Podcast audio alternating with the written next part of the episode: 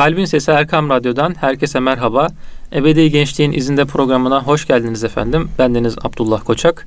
Programı Furkan Özkul abimle icra ediyoruz. Abi hoş geldiniz. Hoş bulduk Abdullah. Nasılsınız abi iyi misiniz? Teşekkür ediyorum. Seni sormalı. Abi bizler de iyiyiz hamdolsun. İnşallah dinleyicilerimiz de iyidirler. Sıhhatlidirler diyelim.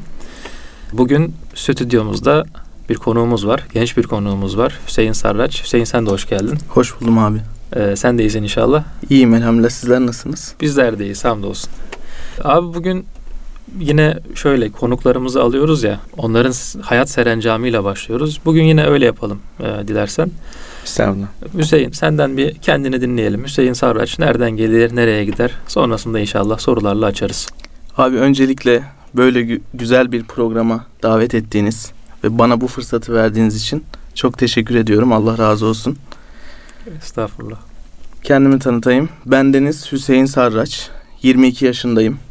Hatay'ın İskenderun ilçesinde dünyaya geldim. İlkokul ve ortaokul eğitimimi memleketim İskenderun'da tamamladım. Ardından o dönemki lise sınavları olan TEOK sınavından çok şükür güzel bir neticeyle puanla ayrılıp 11 yaşından beri hayal ettiğim Üsküdar Anadolu İmam Hatip Lisesi'ne başladım. Bunun bir kısaca öyküsü var onu da anlatmak Yani 11 isterim. yaşından bu yana niçin hayal ettin Üsküdar İmam Hatibi? Şöyle abi anlatmak isterim. Tabii buyur. Şimdi ben 11 yaşındaydım. 5. sınıftaydım. Sosyal medya üzerinden Hmm. Mehmet Lütfi Arslan abiye ulaştım. Kendisi bana sorularımı işte e, hayallerimin tabanını oluşturacak şekilde samimi ve muhabbetli bir şekilde 3 ay boyunca yardımcı oldu. Muhabbet ettik. Ve ben e, o zaman İstanbul'la, Üsküdar'la burasıyla ilgili bütün merak ettiklerimi yani geleceğe dair hayallerimi ona anlattım ve bana bu yönde yardımcı oldu ve hayatıma yani tamamen hayatımın merkezine dokunmuş oldu. Yani 3 ay boyunca 11 yaşındaki bir çocuğa bir şeyler anlatabilmek çok büyük bir şey ki zaten muhabbetinden, samimiyetinden etkilenmiştim. Evet. Benim İstanbul'a, Üsküdar'a gelme hayalim ve e, Üsküdar Anadolu İmam Hatip'e de geliş hikayemin ana temasında Mehmet Lütfi Arslan abimiz, hocamız vardır. Çok güzel. Bu şekilde e, gelişti sürecimiz. Maşallah. Devamında e, sonrasında ben 5. sınıftan itibaren her yaz Azman Müdahi Vakfı'ndaki yaz programlarını arayarak abi işte ben gelmek istiyorum nasıl gelebilirim dediğimde abilerimiz kardeşim daha küçüksün birkaç sene sonra gel cevabıyla karşıladılar beni. Ve ben 8. sınıfa kadar abi sürekli bu deneme sürecini yineledim. Ve 8. sınıfa geldiğimde çok güzel bir tevafuk hadiseyle karşılaştım. Onu da anlatmak isterim müsaadenizle. Tabii tabii. Hasan Yavuz Uğurlu abimiz var. O zaman da Genç Dergi'deydi. Kendisine bir yolla ulaşmıştım bir tanıdık vasıtasıyla. Bana yönlendirmeler yapıyordu. İşte Hüseyin'cim abicim sana ileride eğer böyle programlar olursa göndereceğim, gelmeni sağlayacağım diye. Bizim İstanbul'da hani bir tanıdığımız ya da e, karşılayacak biri olmadığı için böyle e, muhabbet bağıyla bağlandığımız Evet. abilere biraz ihtiyaç oluyor. Tam o süreçte 8. sınıfın bitmesinin ardından annem bana bir tane tişört almış. Üstünde Üsküdar'ın silüeti ve kız kulesi var. Tam kalp yerinde de İngilizce bir cümle yazıyor. Destination is İstanbul. O zaman tabi bilmiyoruz e, İngilizceyi. Direkt Translate'ten baktım. Hedef İstanbul manasına geliyormuş. Sonrasında birkaç gün içerisinde Hasan Yavuz abim bana bir program gönderdi. Evet. Ve bu programda Hasan Yavuz abim dedi ki abicim bu programı incele gelmeye çalış. O dönemde Azman Müdahi Vakfı e, liselere özel tanıtım formatıyla ve İstanbul'u tanıtma formatıyla ilk defa böyle bir program yapmış ve ismini de Hedef İstanbul koymuş. Ben e, bunu bir tevafuk olarak ve işaret olarak gördüm. Dedim ki Hüseyin bu kapıdan gitmelisin. Zaten bu senin hayalindi ve ne olursa olsun hani buradan gitmen gerekiyor. Sağ olsun annem de ben ana kuzusuyumdur. Bu konuda destekledi. E, hiç yani özlem, hasret etkilerini vesaire e, başa koymayıp oğlum gitmelisin ve geleceğini kurmalısın dedi.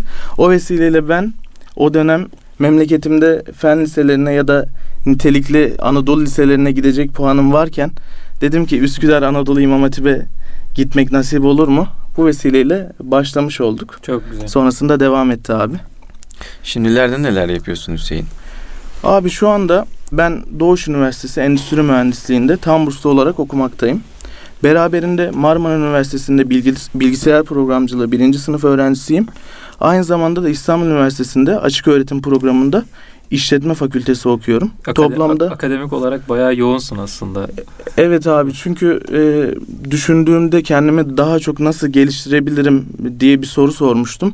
Cevabını da daha fazla bölüm okuyarak ve kendimi Hmm. daha fazla e, zorlayarak yapmam gerektiği konusunda ikna ettim. Şu anda da devam etmekte. Biraz sınav dönemleri yoğunluğu oluyor. evet. Ama elhamdülillah şu anda tatlı bir yoğunluğumuz var. Hmm, maşallah. Allah Şimdi razı olsun. üç abi. farklı üniversite mi oluyor? Üç Evet. farklı bölüm. Üç farklı abi. Önceden sanki yasaktı hani aynı anda şey Evet, ben de fark- öyle hatırlıyorum. farklı bölümler okumak falan ama şimdi tekrar mı serbest oldu? ne oldu? Şöyle abi biraz e, ben sistemi araştırdım. Sistemin açıklarını kovaladım diyeyim. Örneğin bir lisans bölümüyle beraberinde ikinci bir örgün lisans bölümünü okumaya izin vermiyor. Yok. Hı hı. Ama ben ön lisans bölümü okuyorum Marmara Üniversitesi Bilgisayar Programcılığında. Yoklamalar çakışmasın diye de ikinci öğretim olarak tercihimi yaptım. Gündüz endüstri mühendisliğine gidiyorum. Akşam e, bilgisayar programcılığı bölümüne gidiyorum. Yani gidiyorum derken e, fiziki olarak mı gidiyorsun? Fiziki olarak gidiyorum abi. Yani gündüzünde üniversiteme gidiyorum. Biraz pandemi sürecinden dolayı dersler bazı dersler hibrit şekilde ilerliyor online. O da benim işime yaradı. Peki nasıl başarıyorsun? Şimdi tek bölüm okuyan, lisans okuyup da tek bölüm okuyan, e, çok da başarılı olamayan arkadaşlarımız var. Daha doğrusu motivasyonunu sağlayamayan diyelim arkadaşlarımız var. Yani sen üç bölüm okuyorsun ve bu üç bölüm okurken ki o motivasyonu nasıl sağlıyorsun? Abi şöyle söyleyeyim ben e, üniversite sınavına hazırlanırken tıp okumak istiyordum. Doktor olmak istiyordum. Ve tıp gerçekten çok yoğun bir bölüm bilirsiniz. Evet. Ben o riski göze almıştım aslında bu yoğunluğu. Biraz daha pandemi süreciyle başlayan e, dönemde endüstri mühendisliği derslerimin on- online olması hasebiyle şöyle düşündüm. Ya bu ders zaten online gidiyor ve gerçekten e, yoğunluğumu ders haricinde başka başka şeylere veriyorum. Hani gençlik faaliyetleriyle ilgileniyoruz ama haricinde arta kalan zamanda vaktimi boş geçirdiğimi hissettim. Ve ben hani geleceğin de teknolojisi olan yazılıma niye girmeyeyim dedim. Aynı zamanda biraz daha bu akademik süreçte kendimi daha fazla geliştirip ileride meslek hayatında da daha rahat bir adım atmak adına bunu yapmaya çalıştım. Dediğim gibi sınav dönemleri biraz yoğun oluyor ama akranlarımdan 2-3 hafta öncesinde daha yoğun bir tempoyla çalışmaya çalışıyorum. Ve bu şekilde elhamdülillah atlatabiliyoruz süreci. Dünyada yükselen trend e, artık yazılım, bilişim, Hı hı. teknolojik bir takım alanlar. Sen bir baktın şöyle dedin ki benim bu alanda olmam gerekiyor. Sen bireysel olarak mı böyle bir karar verdin yoksa yani bir manevi güç almak için işte insanlara faydalı olmak için e, efendime söyleyeyim topluma işte vatana millete hizmet etmek için mi bu alanı seçtin? Çünkü bazen bireysel olur insan sever. Evet. Bazen de bir hizmet gayesiyle e, böyle bir şeye yönelebilir. Sendeki motivasyon ne oldu mesela? Abi bendeki motivasyon tamamen e, ikinci söylediğiniz vatan vatana katkı sağlama ve gerçekten neslimizin bu yönde biraz daha bilinçlen, bilinçlenmesi. Ben şu an gençlerle ilgilendiğim için bu bölümleri okuduğumda e, genç kardeşlerim hevesleniyorlar. Abi nasıl yaptın biz de yapabilir miyiz? Yani bunu hedef olarak koymak istiyorlar. Aslında rol model olayı var ya abi. Ben biraz daha amacım genç kardeşlerime rol model olabilmek ve ileride e, inşallah ülkemizin yararına oluşacak, açılacak projelerde gönüllü olarak e, görev alabilmek istiyorum. Bunun için belli bir niteliğe sahip sahip olmak gerekiyor. Evet. Onun için yani insanlar kendilerini geliştiriyorlar. Öğrenciler yüksek lisans döneminde, doktora döneminde yurt dışına çıkıyorlar ve böylelikle verimli insan vesaire bu konuda kendini geliştirenler beyin göçü yapıp yurt dışına çıkıyorlar. Evet. Ben burada yurt dışına çıkmayıp da para yerine ülkesinin geleceğini temsil eden ve taşımaya çalışan kitleyi temsil etmek istiyorum inşallah. İnşallah. Bu yönden İnşallah. bu bölüme başlamış olduk Furkan abi. Tabii bu arada BTK çok güzel programlar sunuyor. Hepiniz biliyorsunuz 1 milyon istihdamdı zannediyorum bir program Evet, vardı. evet. Şu an gerçi çok fazla görmüyoruz. E, reklamı çok fazla yapılmıyor. O Bir- pandemi döneminde Evet. bayağı e, revaçta. Ama şu an açık Şu zannediyorum. an hala açık evet. Yani oradan sertifika alabiliyorsun. O sertifikanın geçerli olduğu yerler var. E, o Hı. açıdan çok e, avantajlı bir şey diye düşünüyorum. Evet, evet. O pandeminin ilk çıktığı o iki sene önceki dönemde e, benim çok fazla tanıdığım işte bu 19-20 yaş aralığındaki işte 20-25 o civarda e, genç hakikaten onlara büyük e, teveccüh göstermişlerdi. Kaydoluyorlardı, eğitimleri izliyorlardı, işte dinliyorlardı. Sonrasında işte onların sanırım sınavları oluyor vesaire. Bir şekilde bir sertifika elde etmişlerdi yani çok fazla. Hüseyin sana şeyi soracağım şimdi. Gençlik faaliyetleri dedin. Hı hı. Şimdi ben de seni öyle bir vesileyle tanımıştım hatırlarsın. Evet. Biz Hüseyin abi bir gençlik kampında beraber abilik yapmıştık öyle diyeyim kısaca. Ee, Hüdayi Vakfı bünyesinde. Şimdi sen bu gençlik faaliyetlerinde çok etkinsin ve yaşın daha açıkçası genç yani şimdi e, en azından bana ve Furkan abiye göre bayağı genç bir yaştasın. Ama şimdi Hı. ben seni biliyorum 4 senedir bu işlerin içindesin. Yani belki akademik olarak motivasyonunu öğrendik ama bir de gençlik faaliyetindeki motivasyonunu öğrenelim. Yani bunda da mı ben yani kendimi vereyim bir İsar şuuruyla hakikaten öyle mi hareket ediyorsun? Abi şöyle söyleyeyim. Bana da bana lisede sorsalardı ileride gençlik faaliyetlerinde ve eğitim faaliyetlerde bulunur musun diye düşünürdüm. Evet planlarım var ama imkan yok. Ben İstanbul'da kalacağımın dahi garantisini veremem derdim. Bu arada neredesin Hüseyin onu da söyleyelim de dinleyicilerimiz merak ediyorlardır. Evet abi Sen ben nerede gençlik faaliyeti yürütüyorsun, gençlik hizmeti yürütüyorsun? Böyle deyince sanki merdiven altında. evet evet. evet söyleyelim abi. Ben 4 yıldır abi Azma Müdahi Vakfı'nın lise birimi olan Şahsiyet Akademisi'nde gençlik faaliyeti yürütüyorum. Evet. Lise bitiminin ardından e, Musa Gürel abim var. E, Yurt zamanında idari müdür yardımcımızdı. Beni çağırdı. Kardeşim dedi sen gayretli bir kardeşimizsin. Bu konuda görev almak ister misin? Sağ olsun e, yanına aldı. Kamplarla birlikte ilk kampımızı da zaten Abdullah abiyle beraber yapmıştık. E, işin içine girdiğimde gerçekten çok güzel geldi. Çünkü pırıl pırıl gençler var. Saf, temiz. Eğer biz yardım etmezsek farklı yönlere, tehlikeli e, sulara gidebilecek şekilde e, ilerliyor süreç. Dedim ki yani bizim e, bu konuda gönüllü olmamız lazım, görevli olmamız lazım. Çünkü nesilleri oluşturan ve geleceğe taşıyan kişiler bunlar, liseli gençler. Biraz daha bu liseli gençler tabii fikri anlamda tam döneminde oluyorlar. Ergenlik dönemi vesaire, oluşum dönemi. İlkokul, ortaokul döneminde belli bir ahlaki süreç oluşuyor ama fikri anlamda tam oturtturdukları, fikri yapılarını oturttukları dönem lise dönemi oluyor. Evet. Ondan dolayı biz hani biraz daha lise çağındaki gençlerle ilgilenmeye çalışıyoruz. Dediğim gibi Şahsiyet Akademisi'nde inşallah 4 yıldır aktif olarak görev alıyorum. Geçen yazda 120 tane Anadolu'dan gelen e, liseli gençlerle birlikte kamplar yaptık. Orada ilk defa program yürütücülüğü yaptım. Öyle bir tecrübem de oldu elhamdülillah. Maşallah. Şu anda da aktif olarak bir derneğimiz var Beyruha Derneği adında. Orada eğitim ve gençlik birimi sorumlusu olarak devam etmekteyim. Beyruha nerede? Beyruha Üsküdar merkezde e, bir merkezimiz var ve iki hafta önce bir gençlik merkezi açtık. Abi toplamda şu anda Üsküdar merkezde iki tane yerleşkemiz var. Hmm. Derneğimizin kurulma hikayesi de şu şekilde. Oraya geleceğim. Heh. Oraya geleceğim. Bu dernek şimdi daha Tabii. e, geniş bir şekilde ele alacağız da. Tamam. E, derneğin yeri Üsküdar'da gençlik hizmetleri yapıyor değil mi? Yani e, faaliyet alanı nedir tam olarak? Onu birazcık daha Şöyle söyleyeyim abi. e, asıl kurulma amacı insani yardım. insani yardım. yurt içi yurt dışı insani yardım derneği olarak e, kurulmuştu. Tabii ama tüzüğümüzde eğitim ve gençlik sağlık e, bölümleri de var. Bu vesileyle bu sene ilk defa eğitim ve gençlik alanında benim de biraz daha gayretlerimle bu sektöre de girmiş olduk. Bu birime de girmiş olduk. Ben Üsküdar'a gelsem nasıl ulaşabilirim? Üsküdar'a gelseniz abi Kuşkonmaz Camii'ne giderseniz e, orada İmam Hatibi Binali Murtazaoğlu hocam var. O bizim derneğimizin kurucusu. Üniversite sınavına hazırlanırken kendisiyle tanışmıştık. Evet. Sonrasında e, muhabbet hasıl oldu ve e, derneği kurmak nasip oldu. Kuşkonmaz Camisi'ne e, gelebilirsiniz. Haricinde Doğancılar Sokağı'nda 25 numarada Hı. derneğimizin merkezi var.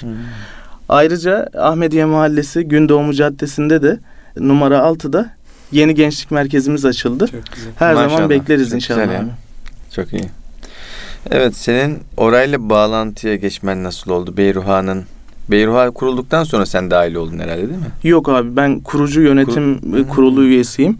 Şu şekilde Peki Beyruha'nın fikri nasıl ortaya çıktı?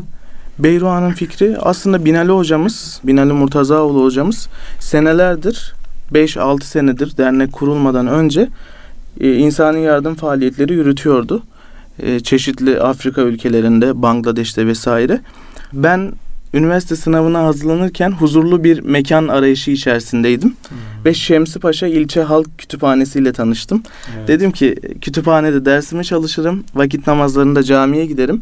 Bu vesileyle orada e, hocamızla da bir e, muhabbet hasıl oldu Binali hocamızla. Evet. Sonrasında da Fahri imamlık yaptım bir dönem Kuşkonmaz Camii'nde elhamdülillah.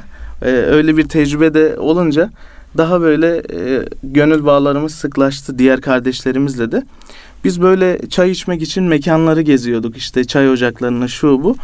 E, dedik ki ya neden bir dernek merkezimiz olmasın da e, gidelim çayımızı orada beraber demlemeyelim, misafirlerimizi orada ağırlamayalım. Çok Ya da insani yardım faaliyetlerini yaparken neden kendi derneğimiz adı altında yapmayalım?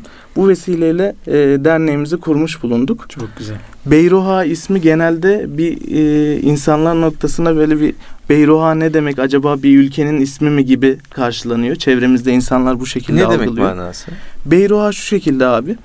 Mescid-i Nebevi'nin hemen yanında Beyruha adlı bir bahçe var. Bu bahçe Peygamber Efendimiz sallallahu aleyhi ve sellem zamanında Ebu Talha radıyallahu anh'ın bahçesi. O zaman işte Müslümanlar, müminler orada serinlemek için işte su kuyusundan su çekip e, su içmek için vesaire o bahçeyi kullanıyorlarmış. Ali İmran suresi 92. ayet nazil olduğunda sevdiğinizden vermedikçe birre eremezsiniz ayeti. Ebu Talha radıyallahu an en sevdiği Beyruha bahçesini Müslümanların hizmetine infak ediyor. Bir bu arada saf iyilik anlamına geliyor. Değil mi? evet, evet abi. Ve şu şekilde Müslümanların hizmetine veriyor. İçerisinde hurma bahçeleri var. Müslümanlar sürekli yiyorlar, karınlarını doyuruyorlar. Su kuyuları var. Susuzluk e, çektiklerinde bu şekilde e, verebiliyorlar. Biz de dedik ki yani Ebu Talha radıyallahu anh'ın izinde o en sevdiği şeylerinden verdi. Biz de en değerli zamanımızdan, emeğimizden bir şeylerden vererek Allah'ın izniyle İslam alemine bir şeyler, yararlı bir şeyler katabilir miyiz diye bu vesileyle e, fikrimizi buradan almış olduk. Hmm, Çok güzel. Çok iyi ya. Sohbetimiz güzel gidiyor abi. Kısa bir ara verelim inşallah. Evet tam heyecanlı bir noktada. Yani, Ee. Beyruha'nın bir kuruluş hikayesi, isminin hikayesi, senin oraya dahil olman amacı. Sonrasında şimdi neler Şimdi yaptıklarını evet şimdi onu konuşacağız. ikinci bölümde Evet inşallah, abi, inşallah. konuşalım.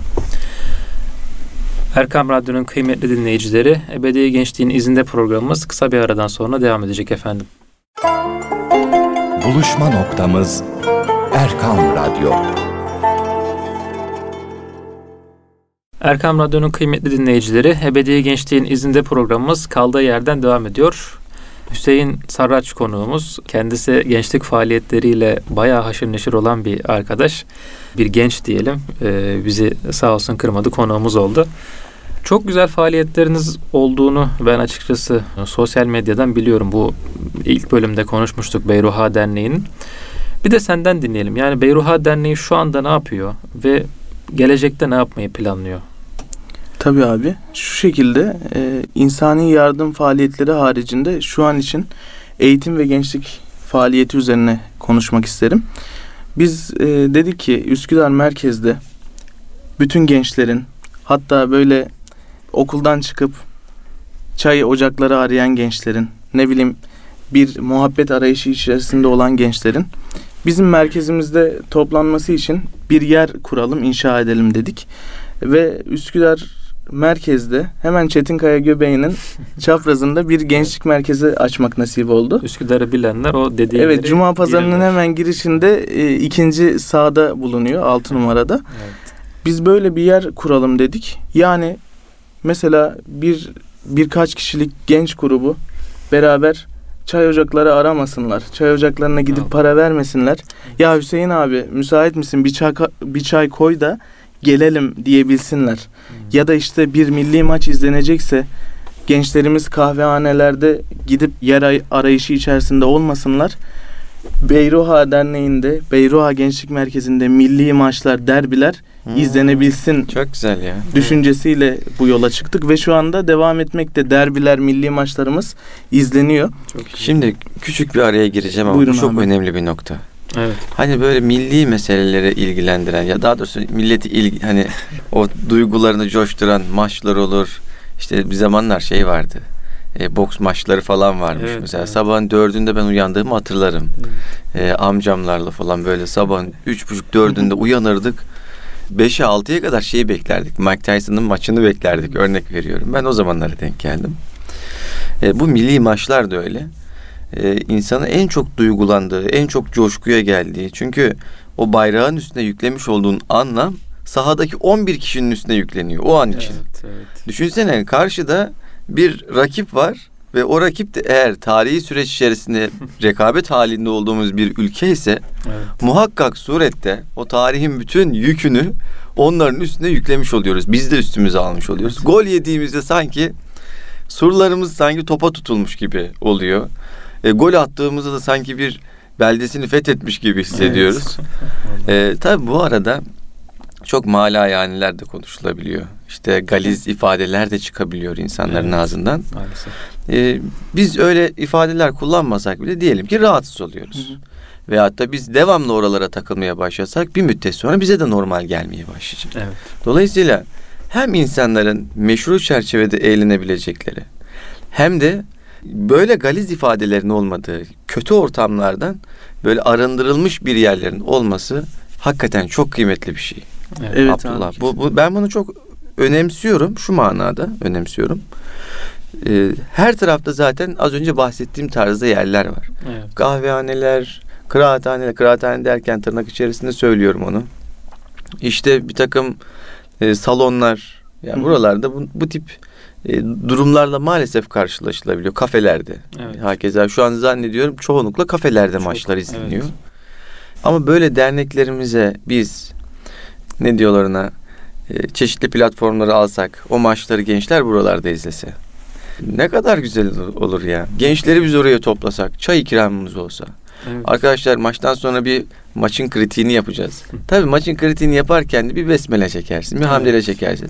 Hem maçı konuşursun, hem tarihten bir şey anlatırsın. Sonunda, sonunda da meseleyi e, şöyle Asır suresine bağlayıp bitirebilirsin. Evet. Ya öyle değil mi şimdi? Çocuk Biz abi öncesinde Öyle mi yapıyorsunuz ya da öncesinde bilmiyorum. sıra gecesi tadında böyle ezgilerle, türkülerle bir çiğ köfte Aa, e, çok güzel. oturması yapıyoruz. Çok O Beraber daha iyiymiş Abdullah biz bir uğrayalım. bizim vizyonumuzdan daha öte bir vizyon var. Bence biz Beraber- uğrayalım. Hakikaten. beraberinde kuru yemiş, patlamış mısır, işte isteyene abur cuburlar hazır ed- edip açık büfe şeklinde servise sunuyoruz. Aynı Kesin zamanda gitmemiz lazım Abdullah. çay, soğuk Evet. içecekleri de bulunduruyoruz ki maç içerisinde gidip gelebilsinler misafirlerimiz.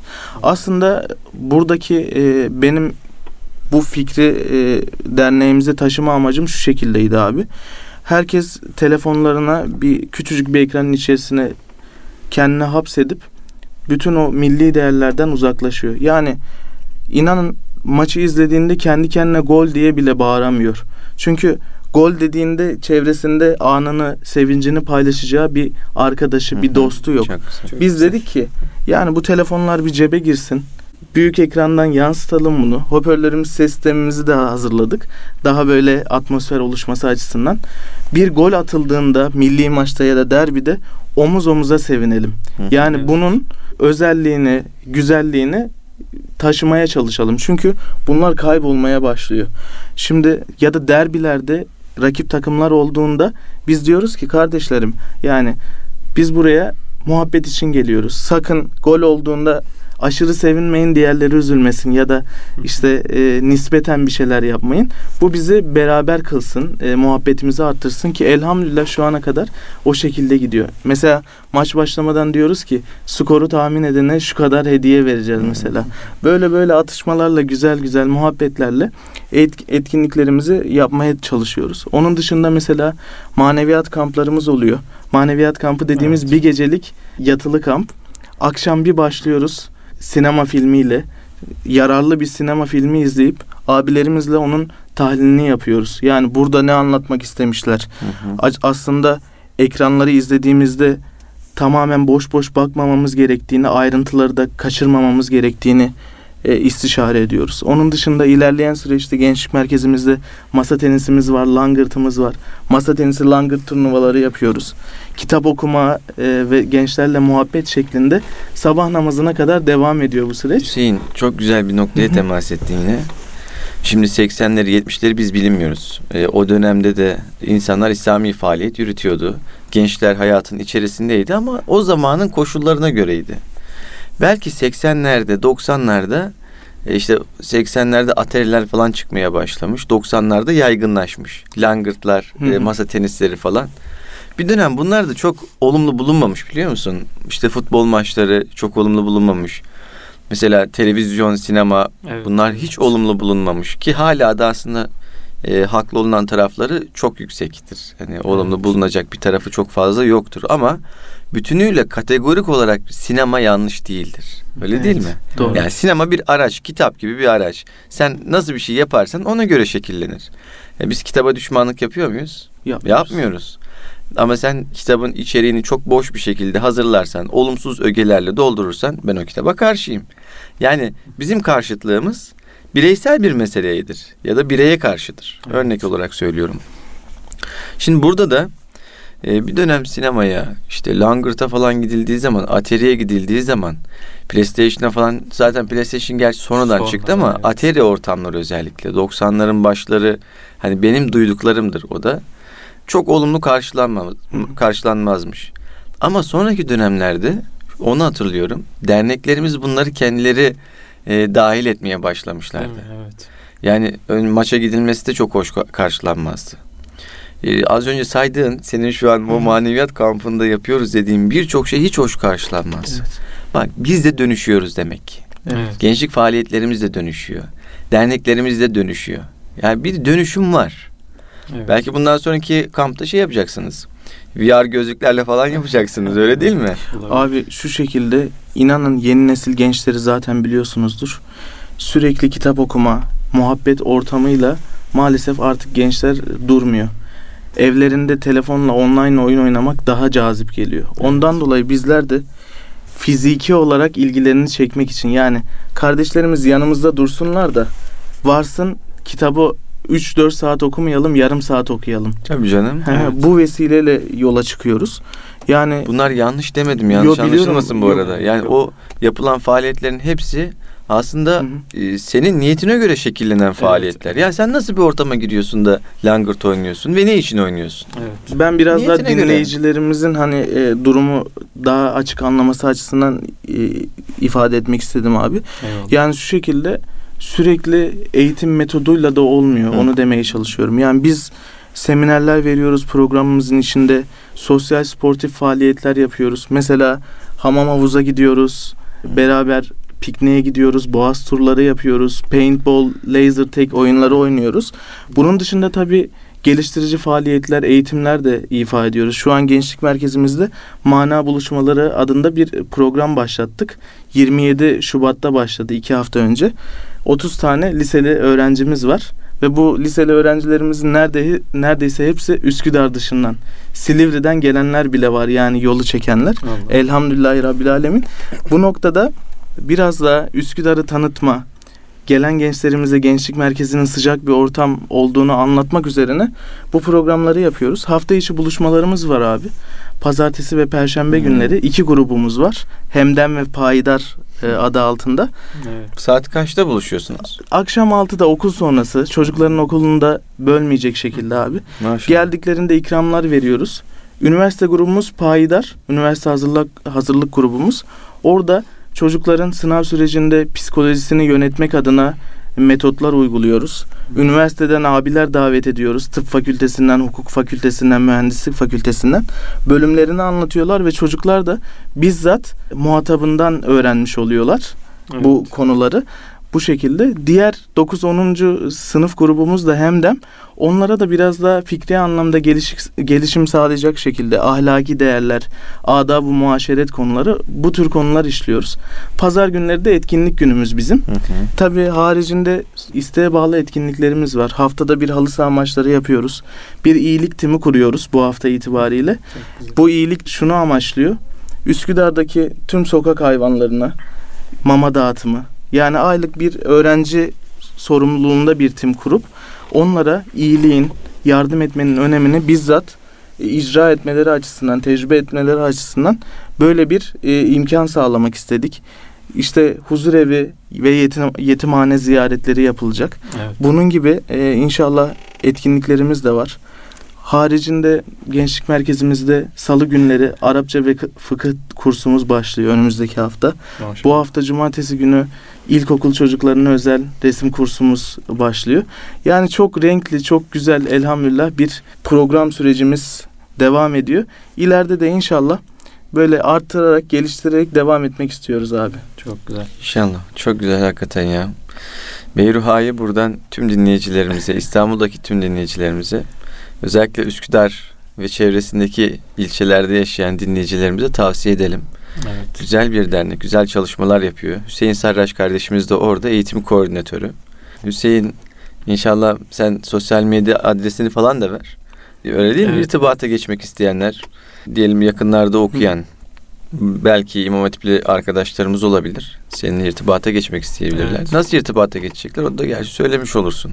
Şöyle abi Instagram, Facebook adreslerimiz ve YouTube adreslerimiz Beyruha Derneği adı altında. Hı hı. Oradan takip edebilirler. Ayrıca Instagram'da Beyruha Genç başlıklı bir hesabımızı açtık. Orada da gençlik faaliyetlerini yürütmekteyiz. Oradan da inceleyebilirler. Oradan sizinle iletişime geçebilirler. Tabii bir de internet sitemiz var. beyruha.org diye girebilirlerse Google'dan ya da diğer arama motorlarından bizlere ulaşabilirler inşallah. Çok güzel. Çok güzel, çok güzel. Yani abi süremizin yavaş yavaş sonuna geliyoruz. Ee, ama şunu ifade etmek istiyorum. Şimdi Hüseyin'in anlattığı şeyler e, hakikaten o başta anlattı ya işte 11 yaşında işte ben İstanbul'a gitmek istiyordum. İşte Lütfü abiyle mesajlaşıyordum. Hüseyin aslında şu an o mesajlaşılan kişi olmuş yani bir nevi. O etkinlikleri yapıyor. O böyle dışarıdan bakan insanın aslında böyle heyecanlandıran işte o İstanbul'a gelme isteğini kabartan şeyler anlattı hakikaten. Ya ben Üsküdar'da yaşıyorum mesela. Ben bile heyecanlandım yani. Buradan çıkınca hemen direkt gitsek mi acaba falan diyorum şu an. Hakikaten çok güzel faaliyetler. Sağ O hele gençler için çok heyecanlandırıcı faaliyetler. Yani ben hatırlıyorum bir o mesela şeyi söyledi işte telefondan izliyor maçı dedi. Ben hatırlıyorum lisedeyken biz arkadaşlarımla bizim okulun lokalinde izlerdik mesela maçları. Orada hakikaten izlemenin farklı bir atmosferi oluyor. İşte yanındakiyle sarılıyorsun gol olunca işte özellikle Avrupa maçlarında. İşte beraber bir şeyler yiyip içiyorsun. Çay geliyor işte öncesinde çorbası oluyor vesaire. Hakikaten yani e, dediğin şeyleri yaşadığım için ben daha çok heyecanlandım. Yani gençlere de o yüzden tavsiye edilebilir bir mekan olmuş hakikaten benim açımdan en azından. E, Eyvallah dinle- her zaman bekleriz abi. dinleyicilerimiz de muhtemelen aynı teveccühü göstereceklerdir diye düşünüyorum. Bir şey eklemek isterim Evet. müsaadenizle abi. Son sözlerini alalım Hüseyin Evet, buyur. evet abi. Ya biraz önce söylemiştim devamını getiremedim. Ya bana lise dönemimde sorsalardı gençlik faaliyetine girecek misin diye imkan yok derdim. Ama gerçekten bu iş plan işi değilmiş, gönül işiymiş Evet. abi. Madde işi değilmiş, mana işiymiş. Bunu öğrenmiş olduk. Birçok fedakarlıklar yapıyoruz e, hayatımızdan ve bu fedakarlıklar aslında işi güzel kılan şey. Hocamızın çok güzel bir sözü var. İmanın ilk meyvesi merhamettir, muhabbetin kantarı da fedakarlıktır diye. Evet. Muhabbetin kantarını, ölçüsünü belirleyen şey gerçekten fedakarlık. O yönden e, inşallah biz bu yönde gençlerimize elimizden geldiğince fedakarlıklar yapmaya çalışıyoruz. Umulur ki muhabbetler de bu ölçüde güzelleşir. Gençlik faaliyetlerine girmemdeki yegane amaç da şudur. Benim gibi işte Anadolu'da bekleyen Hatay'daki Hüseyinlere, Evet. Van'daki hakikaten. Behlüllere, Maraş'taki Musa'lara, Konya'daki Hasanlara biraz daha e, umut olabilmek. Bu yönde Lütfi abi olabilmek, Hasan Yavuz abi olabilmek. İnşallah bu noktada da Rabbimiz bu işleri yapabilmede bizlere yardım eder Amin. ve kolaylık sağlar. Yani eğitim biraz daha anne babadan başladığı için biz aslında geleceğin babalarını yetiştirmeye çalışıyoruz. Bu yönden aslında bu çok kıymetli ve neslimizi e, taşıyan bu ileride ülkemizi de güzel e, konumlara getirecek bu gençlere faydalı olabilirsek, bir şeyler katabilirsek, gönül, gönüllerine dokunabilirsek ne mutlu bize inşallah. İnşallah. Allah razı olsun. Ben çok memnun oldum abi. Eyvallah Hüseyin. Biz geldiğin için çok mutlu olduk. Evet Furkan abi. Var mıdır söylemek istediğin Hakikaten yani çok güzel oldu. Ee, çok tane tane anlattı Hüseyin zaten. Evet. Beyruha Derneği evet duymuştuk daha öncesinden ama daha detaylı bir e, bilgi edinmiş olduk. Dinleyicilerimiz de bence bugün bu programı dinleyenler çok şanslı. Evet. Dinleyenler dinlemeyenlere de dinlesin diyelim. Çünkü önemliydi. Bir genç olarak gençlik hizmetlerinin içinde olmak. Bu akran eğitimi diyorlar. Ee, şimdi öyle bir modele doğru geçmeye çalışıyorlar. Bu akran örnekliği göstermek çok kıymetli bir şey. Yani 40-50 yaşındaki bir insanın 15-20 yaşındaki bir genci göstermiş olduğu örneklik elbette kıymetlidir. Hiçbir söyleyecek bir şeyim yok ama bir insanın kendi yaşıtından etkilenme oranı diğerlerinden çok daha fazla. Evet. Çünkü aynı imkanlara sahipsin, aynı yaştasın. Seninle onun arasında bahane olabilecek herhangi bir şey yok. Dolayısıyla ondan faziletleri ya da tam tersi reziletleri kapma ihtimal çok yüksek oluyor. Evet. Ama 40-50 yaşındaki bir adamın artık imkanları farklı. Maddi imkanları farklı, manevi imkanları farklı. Dolayısıyla oradan almış olduğun şeyler çok daha belli bir seviyede kalıyor diyeyim daha doğrusu. Kesinlikle abi. E, o açıdan e, kıymetli kardeşim çok memnun oldum. Evet. Biz de çok memnun olduk abi. Ben İnşallah memnun daha sık bir şekilde görüşürüz diyelim. İnşallah. İnşallah. Yani Ee, dinleyenler şu açıdan da aslında şanslı olduğunu ben düşünüyorum abi. Vizyon koydu aslında Hüseyin ortaya. Yani gençler için neler yapılabilir? Ne olabilir? Yani ve bunları zaten yapan birileri de var. Yani siz de yapabilirsiniz. Belki biz İstanbul özelinde, Üsküdar özelinde konuşuyoruz belki ama Anadolu'nun diğer illerindeki gençlere de yani gençlere diyeyim çünkü senin yaşın genç. E, hakikaten bir vizyon çizdi Hüseyin. Allah razı olsun geldiğin için Hüseyin. Allah sizlerden razı olsun beni davet ettiğiniz için abi. Teşekkür ediyorum. Eyvallah rica ederiz. Efendim programımız burada sona erdi. Hüseyin'i dinledik. Çok da güzel oldu bence. Ee, İnşallah sizler de istifade e, etmişsinizdir diyelim.